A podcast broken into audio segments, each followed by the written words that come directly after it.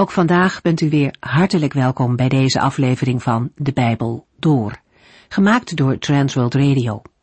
Voor meer informatie kijkt u dan op onze website transworldradio.nl.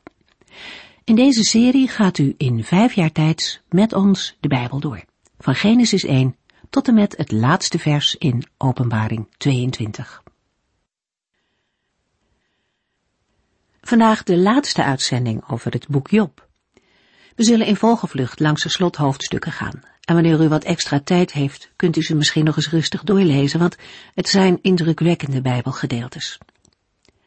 Het grote drama, wat zich hoofdstukken lang heeft afgespeeld, schijnbaar buiten de Heere God om, krijgt hier een ontknoping. Het is bijzonder boeiend hoe God gaat reageren. Op Job, maar ook op zijn vrienden. Het wordt duidelijk dat God alles gevolgd heeft. Al leek het nog zo stil en leek hij nog zo ver weg, niets is de Heere ontgaan. Job krijgt ook nu geen antwoord op zijn vragen. Maar we zullen zien dat het er uiteindelijk niet meer toe doet voor hem. Job ontmoet God en vindt vrede. Nog voordat alles is opgelost, midden op de puinhopen en ernstig ziek, ziet Job God en dat is genoeg. Hij komt ook niet meer terug op zijn vragen. In Job 38 lezen we dat God Job antwoordt vanuit een storm. Hij begint met een vraag. Waar was jij toen ik alles maakte, zegt de Heer. En dat zet meteen zijn grootheid neer. Mensen kunnen allerlei onderzoeken doen en conclusies trekken, maar niemand was erbij toen de eeuwige God zijn scheppingswerk deed. Deze simpele vraag van God laat zien hoe ver hij boven de mensen verheven is. En tegelijkertijd komt deze machtige God zo dichtbij. Vandaag lezen we hoe hij Job meeneemt en hem de grootsheid en de ordening van zijn scheppingswerk laat zien. Job raakt diep onder de indruk van de God die hij zijn hele leven lang al diende. Maar hij leert God kennen zoals hij dat nog niet deed. Laten we kijken naar het slot van Bijbelboek Job. In de vorige uitzending hebben we gezien dat de Heere na zijn spreken in Job 1 en 2 steeds heeft gezwegen. Hoewel alles wat gezegd is op hem betrekking had, heeft de Heere niemand onderbroken. Maar nu is het moment aangebroken waar Job naar heeft uitgezien. Maar wat blijft er over van de moed van Job, nu hij zich moet klaarmaken voor een bewuste confrontatie? De confrontatie heeft natuurlijk alleen betrekking op die punten waar Job twijfelde, bijvoorbeeld over Gods rechtvaardige bestuur. Job 38 vers 4 Waar was u toen ik het fundament legde voor deze aarde? Zeg het mij, u weet immers zoveel. Job had in Job 9 gezegd, de Heere verplaatst de bergen zonder dat de mensen het merken, en keert hen in zijn toorn ondersteboven. Hij laat de aarde op haar fundamenten beven. De zon en de sterren schijnen niet als hij dat niet wil. Maar waar was Job toen de Heere de fundamenten voor de aarde legde? Beseft Job wel wie de afmetingen van de wereld zo secuur heeft vastgesteld? Kan hij zeggen waarin de fundamenten van de aarde zijn verankerd of wie de hoeksteen ervan heeft geplaatst? Het antwoord is nee, want toen was Job er nog niet. Job 38, vers 6 tot en met 11. Waarop steunen de fundamenten? En wie plaatste de hoekstenen? Terwijl de morgensterren samen zongen en alle engelen juichten van blijdschap. Wie stelde de grenzen van de zeeën vast, toen zij vanuit het verborgene omhoog spoten? Wie hulde hen in dikke wolken en diepe duisternis, sloot hen in door hun kusten vast te stellen en zei, tot zover en niet verder. Hier zullen uw trotse golven tot stilstand komen. In Job 7 vers 12 heeft Job gevraagd, O God, ben ik soms de zee of een monster, dat u mij constant laat bewaken? De zeeën zijn vaak een bedreiging voor mensen, maar de Heere hulde de zee in dikke wolken en diepe duisternis. De Heere begrenst en vergrendelt de zeeën. Hij als schepper de rechtmatige eigenaar van elke zee en oefent er zijn gezag uit. De zee lijkt een toneel van tomeloos geweld, maar de Heere voert het bevel over de machtigste golven en stelt paal en perk aan hun terrein. We moeten dan denken aan een strandlijn, waar de golven breken en de zee eindigt. In de versen 12 tot en met 15 spreekt de Heer over het tevoorschijn roepen en het in het oosten laten verschijnen van de dageraad, een nieuwe morgen. De Heere doet dat dagelijks. Heeft Job dat ook maar op één dag van zijn leven gepresteerd? Job heeft gezegd dat de Heere de onschuldigen ten prooi geeft aan de goddelozen. De goddelozen die s'nachts actief zijn, verdragen het zonlicht niet. Het daglicht maakt een eind aan hun nachtelijk werk. Job heeft zelf eerder aangegeven hoe het daglicht een bedreiging vormt voor nachtelijke praktijken als moord, ontucht en inbraak. De Bijbel spreekt vaker over het licht als vertegenwoordiging van de Here. Daarbij past een vermelding dat het kwaad moet wijken. Zo moet ook elke nieuwe dag ons herinneren aan het feit dat het licht Gods eerste schepping is. S'nachts lijkt de aarde ook vlak als een klomp klei, maar bij daglicht is het alsof er een zegel in wordt gedrukt. De plooien, kleuren en vormen van de aarde worden zichtbaar, alsof de aarde een kledingstuk was. Job 38 vers 15 Zo worden de goddelozen gestoord in hun praktijken en wordt een halt toegeroepen aan de arm die klaar stond om toe te slaan. Het beeld van een opgeheven arm duidt op agressie, maar nog meer op arrogantie en rebellie tegen de heerschappij van het licht. Bildad noemde al dat het licht van de boosdoeners uitgaat en dat zij van het licht in de duisternis worden gestoten. In de versen 16 tot en met 18 begint de Heer een vragenronde over dingen en zaken die voor de mensen ontoegankelijk zijn. Is Job doorgedrongen tot de bronnen van de zee? Of heeft hij de spelonken van haar onpeilbare diepte bezocht? Job heeft het dodenrijk aangeprezen als veilig toevluchtsoord dat mensen beschermt tegen Gods boosheid. In vers 17 vraagt de Heere Job, heeft men u verteld waar u de poorten van het dodenrijk kunt vinden? Job heeft die poorten niet gezien en er ook niet achter kunnen kijken. Kan Job, die alles meent te overzien, iets bevatten van de uitgestrektheid van de aarde? De Heere wijst op het beperkte blikveld van mensen, vergeleken met hem die alles overzien kan. Een mens ziet niet verder dan wat voor hem ligt, maar Job gedraagt zich alsof hij vanuit een vogelperspectief naar de aarde kan kijken. Al deze vragen moeten Job zijn onkunde en onmacht doen erkennen. Zoals Gods eerste woorden de eerste dag op aarde inluiden. Zo zijn Jobs eerste woorden de verwensing van zijn eerste levensdag en van de nacht waarin hij werd verwekt. Maar, vraagt de Heer aan Job in vers 19, waar wonen het licht en het duister? Natuurlijk, s'morgens komt de zon op in het oosten en daardoor trekt het duister weg in het westen en s'avonds is dat omgekeerd. Maar uit vers 20 blijkt dat de Heere zo'n oppervlakkig antwoord niet wil.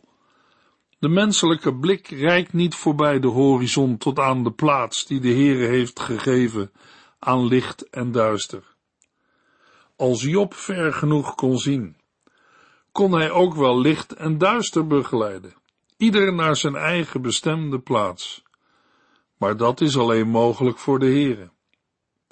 Dit proces onttrekt zich volstrekt aan Jobs oog en aan zijn controle. Job mag dan oud en wijs lijken. Hoe oud en wijs is hij vergeleken met het scheppingswerk van de Heere?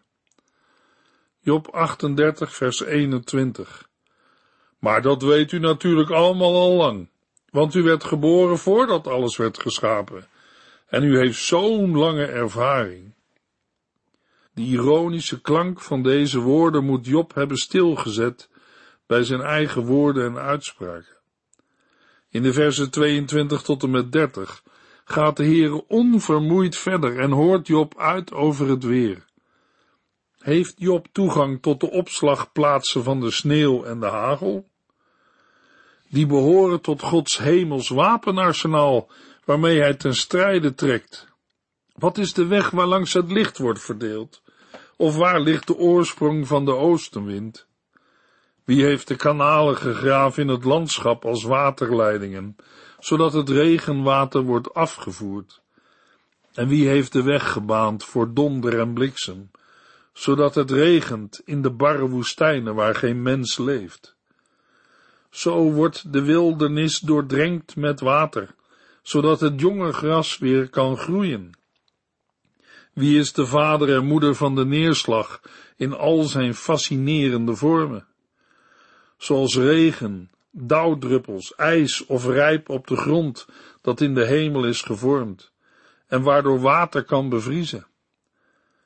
Job heeft zich erover beklaagd dat de Heere chaos over de wereld laat bestaan. Daarom vraagt de Heere in de versen 31 tot en met 33 of Job de controle over alle kosmische orde heeft, zoals die geldt bij de sterren. Kan hij de riem van de Pleiade vastmaken of de ketens van Orion losmaken?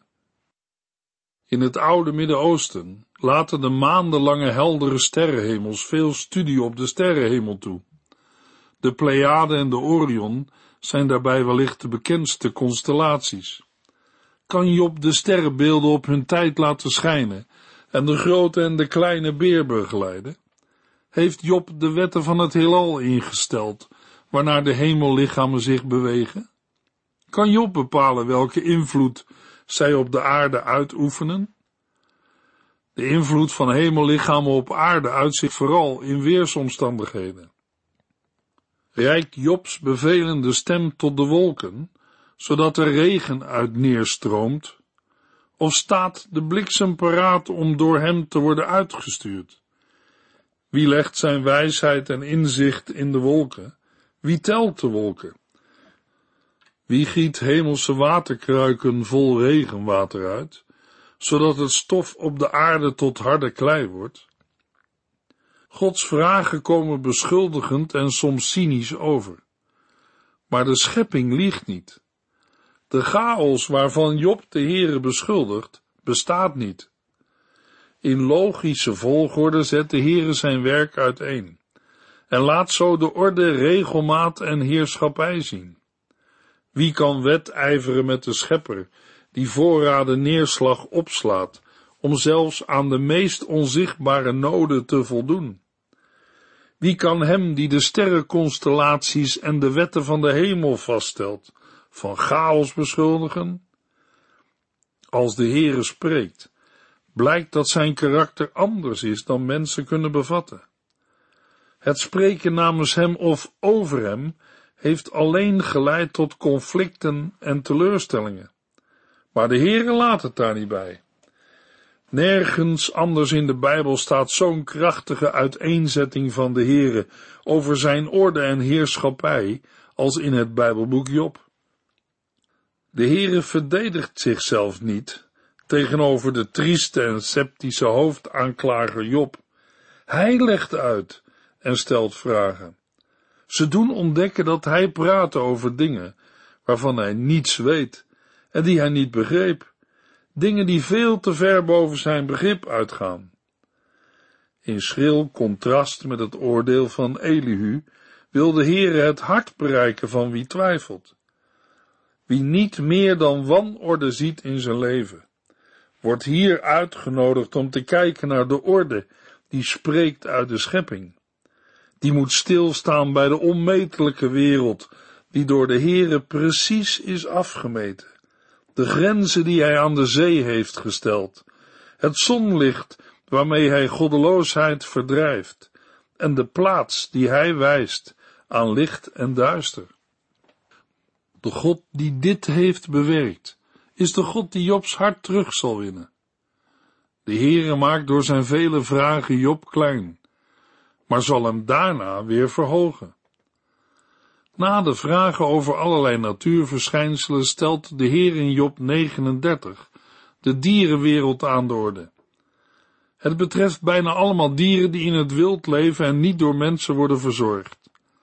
Job 39, vers 1 en 2. Kunt u de prooi verzorgen voor een leeuwin en de honger van haar jongen stillen, die in het hol of in het struikgewas liggen te wachten? De eerste vraag betreft de leeuw, bij ons de koning van de dieren. Kan Job een prooi jagen voor de leeuwin en aan de eetbehoeften van haar welpen voldoen?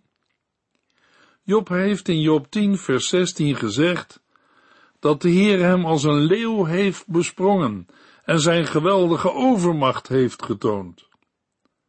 De volgende vraag betreft de raven.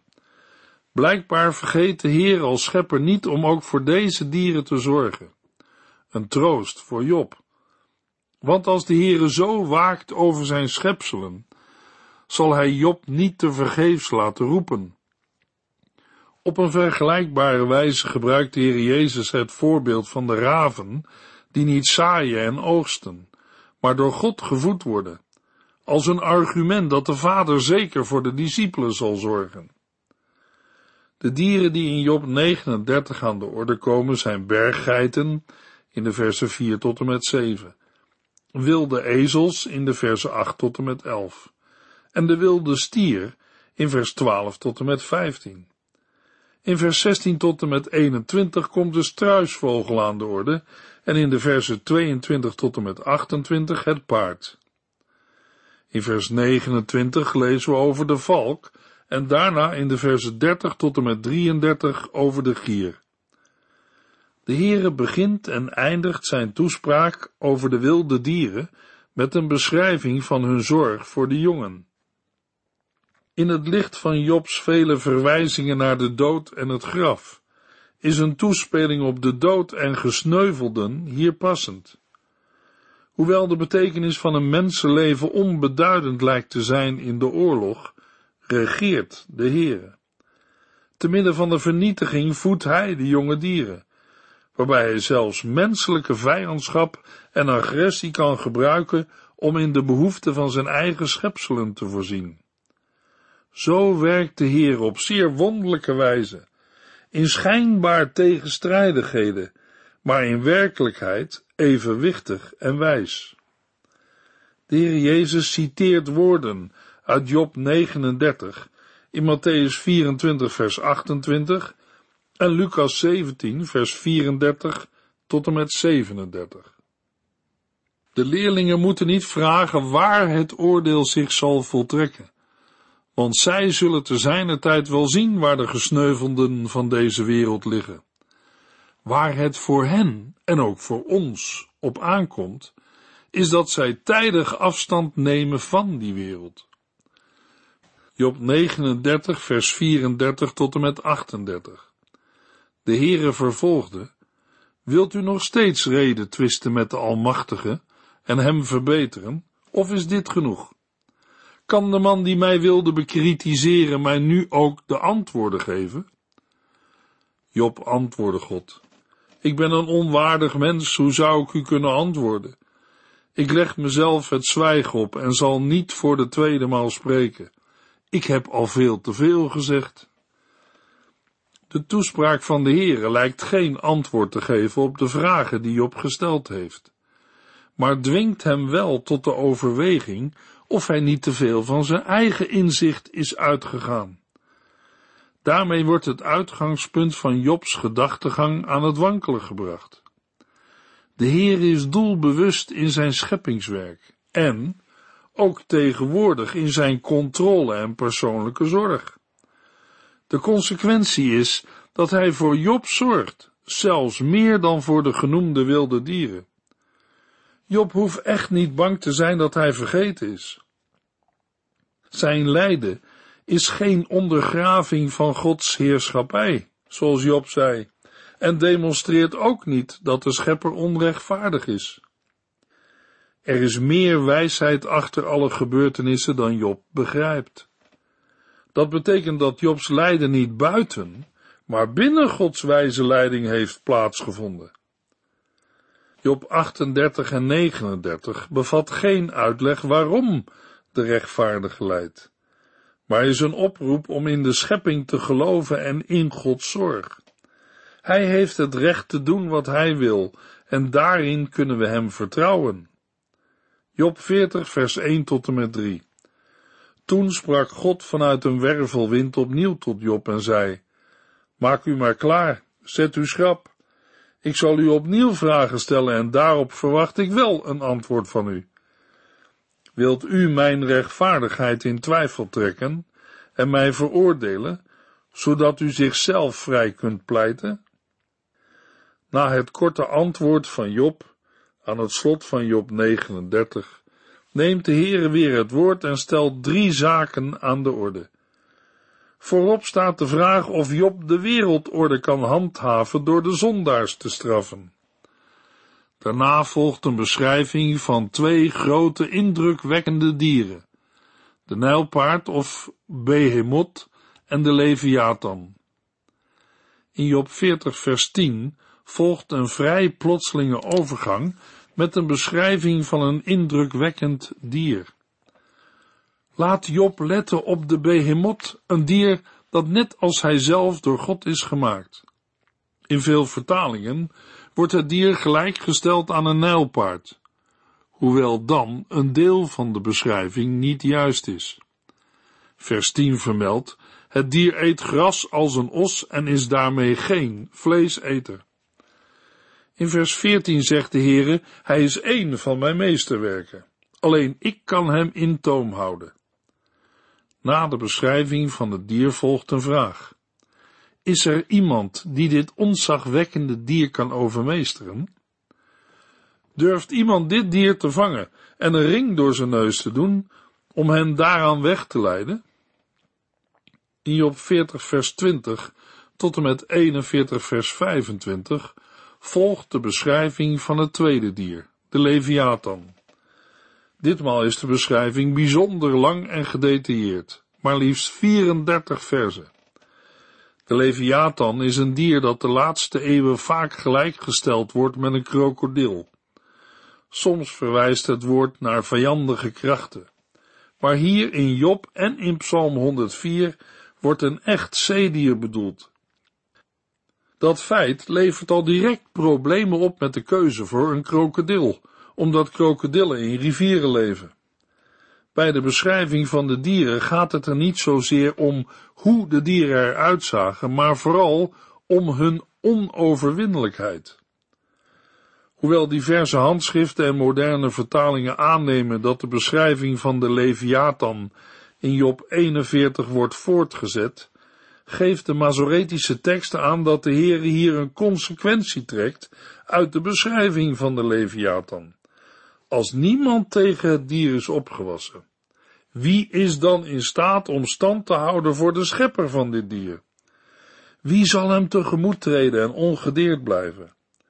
Hiermee wordt aangegeven dat het gevaarlijker is om zich tegen de Heere op te stellen dan tegen dit dier. Na deze vragen verwacht de lezer een antwoord van Job, maar dat komt nog niet. En daarom gaat de Heer in Job 41 vers 4 tot en met 25 door met een uiteenzetting over de Leviathan. Daarbij komen opnieuw veel kenmerken van het dier aan de orde. Dan volgt er in Job 42 vers 1 tot en met 6 een antwoord van Job. Ik weet dat u alles kunt en dat niemand u kan tegenhouden. U vraagt wie het is die op zo'n onzinnige manier over uw besluiten sprak. Ik ben het. Ik praat over dingen waarvan ik niets weet en die ik niet begreep. Dingen die veel te ver boven mijn begrip uitgaan. U zei, luister, dan zal ik wat zeggen. Laat mij u enkele vragen stellen. Probeer die maar eens te beantwoorden. Maar nu zeg ik, ik had al eerder van u gehoord, maar nu heb ik u gezien. Daarom walg ik van mezelf en uit berouw verneder ik mij in stof en as. De Heer heeft niets gezegd over de oorzaak van Jobs lijden. En Job gaat er ook niet op in. Wat voor veel lezers het hoofdthema is van het boek Job, blijkt toch van ondergeschikt belang te zijn. Job heeft nu de grootsheid, majesteit en heerlijkheid van de Heere gezien, en hij buigt ervoor. Dat deed hij al in Job 1 vers 21 en nu weer. De man die als een koning de Heere zou naderen, vernedert zich en bewijst hem hulde. Blijkbaar kan dat, zonder alles te doorgronden. Zoals het bekende lied zingt van Jacqueline van der Waals, Heer, ik wil uw liefde loven, al begrijpt mijn ziel u niet. Zalig hij die durft geloven, ook wanneer het oog niet ziet. Job 42 volgt in de verse 7 tot en met 9 een korte toespraak van de Heere voor Elifas. Hij krijgt de opdracht zeven stieren en zeven rammen naar Job te brengen voor een brandoffer. Mijn dienaar Job zal voor u bidden. Waarom? Omdat Elifas niet op de juiste wijze over de Heer had gesproken en Job wel. Toen Job voor zijn vrienden had gebeden, gaf de Heer hem zijn rijkdom en geluk weer terug. Hij gaf hem zelfs tweemaal zoveel als vroeger. In de verse 11 tot en met 15 wordt daarvan een beschrijving gegeven. Job 42, vers 16 en 17. Job leefde daarna nog 140 jaar. Hij maakte nog mee dat zijn kleinkinderen en achterkleinkinderen werden geboren. Ten slotte stierf hij op heel hoge leeftijd en tevreden met zijn leven. Hiermee is de bespreking van het Bijbelboek ten einde. In de volgende uitzending maken we een begin met het Bijbelboek Gelaten uit het Nieuwe Testament. U heeft geluisterd naar De Bijbel Door, in het Nederlands vertaald en bewerkt door Transworld Radio. Een programma waarin we in vijf jaar tijd de hele Bijbel doorgaan. Als u wilt reageren op deze uitzending of u heeft vragen, dan kunt u contact met ons opnemen. Tijdens kantooruren kunt u bellen op 0342 47 8432. 0342 47 8432. Ook kunt u een e-mail sturen naar de Bijbel door at transworldradio.nl en natuurlijk kunt u ook via de post ons bereiken. TWR, postbus 371, postcode 3770, AJ in Barneveld. Dit programma werd gepresenteerd door Cor Weda en Ike André. Techniek was in handen van Odin van Voerkom. En wij allemaal bedanken u voor het luisteren. Graag tot de volgende keer.